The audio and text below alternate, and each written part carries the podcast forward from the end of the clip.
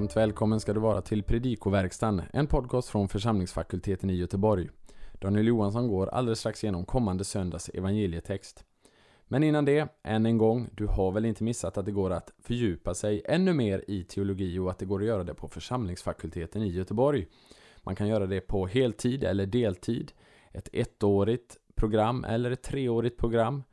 Och det går också att göra det på distans om man inte har möjlighet att flytta till Göteborg.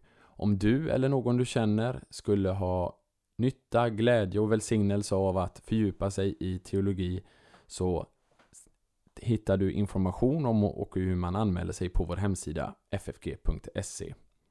Men nu, en genomgång av kommande söndags evangelietext. Vi önskar dig god lyssning. Evangeliet på palmsöndagen det här året kommer från Johannes 12, 1-16. Eh, då det är Johannes-serien som läses eh, när vi läser om Jesu lidandes historia. Vi börjar med en språklig genomgång av vår text. Pro hex hemeron to pascha i vers 1 betyder ordagrant före sex dagar från påsk räknat. Det är troligt att Johannes räknade påsken från torsdagskvällen. I så fall så åsyftas sabbaten veckan före som ju börjar på fredagskvällen. Poängen med tidsangivelsen är att det som följer hör till påskens händelser. I den andra versen saknar verbet epoiesan ett explicit subjekt. Antingen får man ta det i meningen man gjorde en måltid för honom. Eller avses de som i sammanhanget nämns vid namn, nämligen Marta, Maria och Lazarus. Konstruktionen litron miro nardo pisdikes dikes, polytimo i vers 3.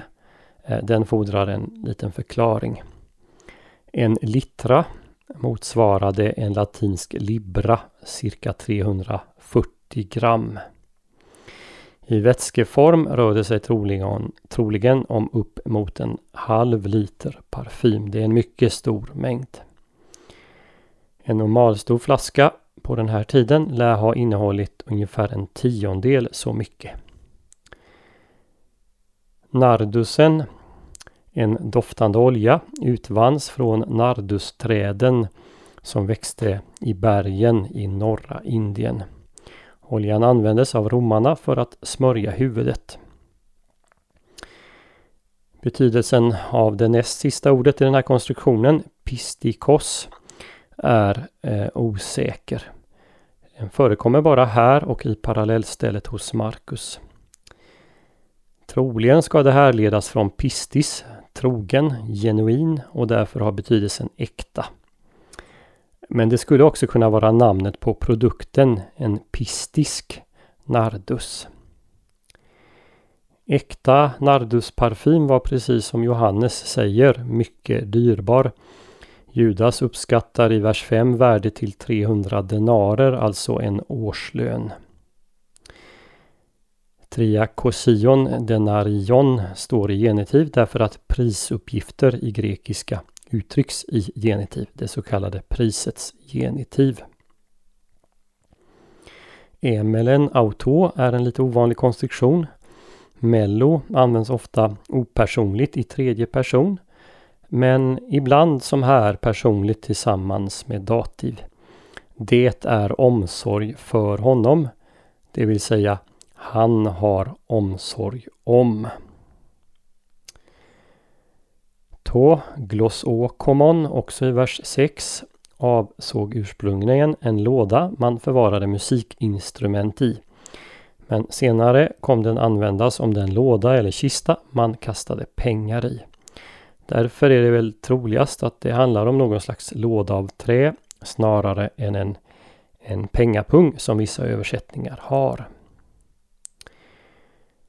Ordet en eh, tafiasmos i vers 7 åsyftar inte primärt begravningen utan kroppens förberedelse för gravläggningen.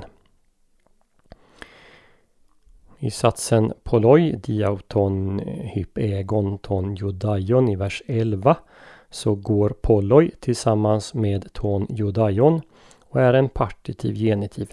Många av judarna. Till sist eh, Kai H. Basilevs to Israel i vers 13 blir ordagrant även Israels konung.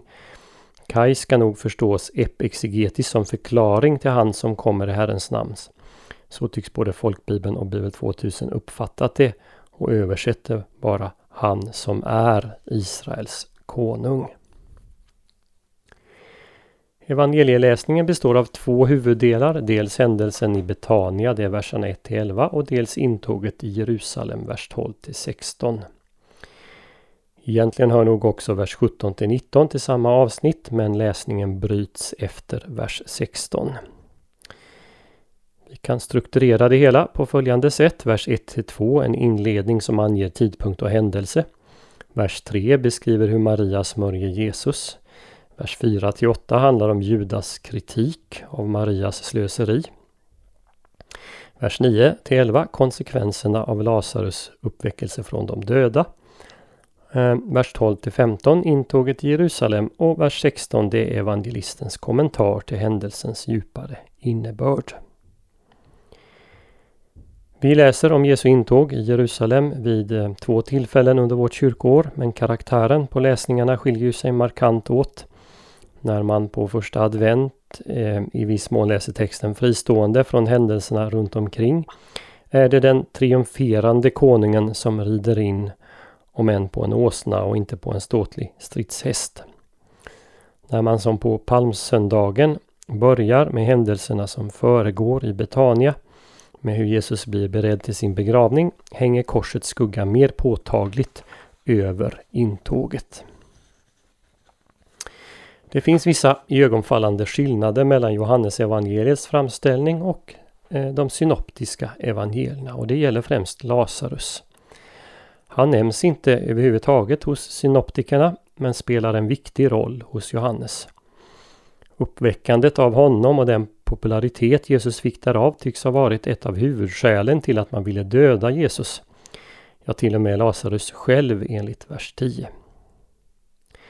Kanske var ett skäl att Lazarus uppväckelse för de saduceiska prästerna underminerade deras argument för att förneka uppståndelsen från de döda. Men om Lazarus spelade en så viktig roll, varför nämns han inte hos de andra evangelisterna? Den troligaste förklaringen är just det hot som hängde över Lazarus. När lärjungarna sammanfattade påskens händelse utlämnades uppgifterna om Lazarus för att han inte skulle råka illa ut.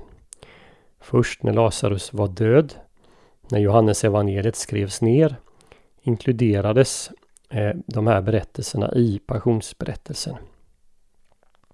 Det är troligen av samma skäl som Johannes nämner att det var Maria som smörjde Jesus och senare att det var Petrus som högg av översteprästens tjänares öra. Alltsammans potentiellt farliga handlingar för vilka man riskerade straff. Den noggranne bibelläsaren finner också en viss diskrepans mellan evangelisternas beskrivning av Marias handlande. Matteus och Markus säger att kvinnan smörjde Jesu huvud medan Johannes säger att det handlade om fötterna. Det här är en motsägelse tanke på den stora mängd olja Maria hällde ut, en halv liter, skulle det med råge räcka till hela kroppen. Jesus talar ju också enligt både Matteus och Markus om att hans kropp förberetts för hans begravning. Troligast är därför att Markus och Johannes väljer att lyfta fram olika saker genom att omnämna två olika kroppsdelar. Hos Matteus och Markus ligger fokuset på att Jesus blir små, eh, smord som en kung. Hos Johannes betonas Marias ovärdighet genom att hon antar en slavs syssla och smörjer fötterna. Då det var förnedrande för en judisk kvinna att släppa ut sitt hår offentligt är det en gest av yttersta hängivenhet Maria utför när hon istället för att använda en handduk torkar Jesu fötter med sitt hår. Marias handling kontrasteras av Judas invändning. Han tycker hängivenheten är för stor, att pengarna kunde använts till bättre ändamål. Jesus tolkar emellertid handlingen som profetisk. Hon har berett honom för graven. I vårt avsnitt och strax efter det nämns vid inte mindre än tre tillfällen att stora folkskaror var närvarande. I vers 9, de som kom ut till Betania för att se Lazarus och Jesus. I vers 18 nämns att många kom ut för att möta Jesus när han red in i Jerusalem, för att de hört talas om uppväckelsen av Lazarus.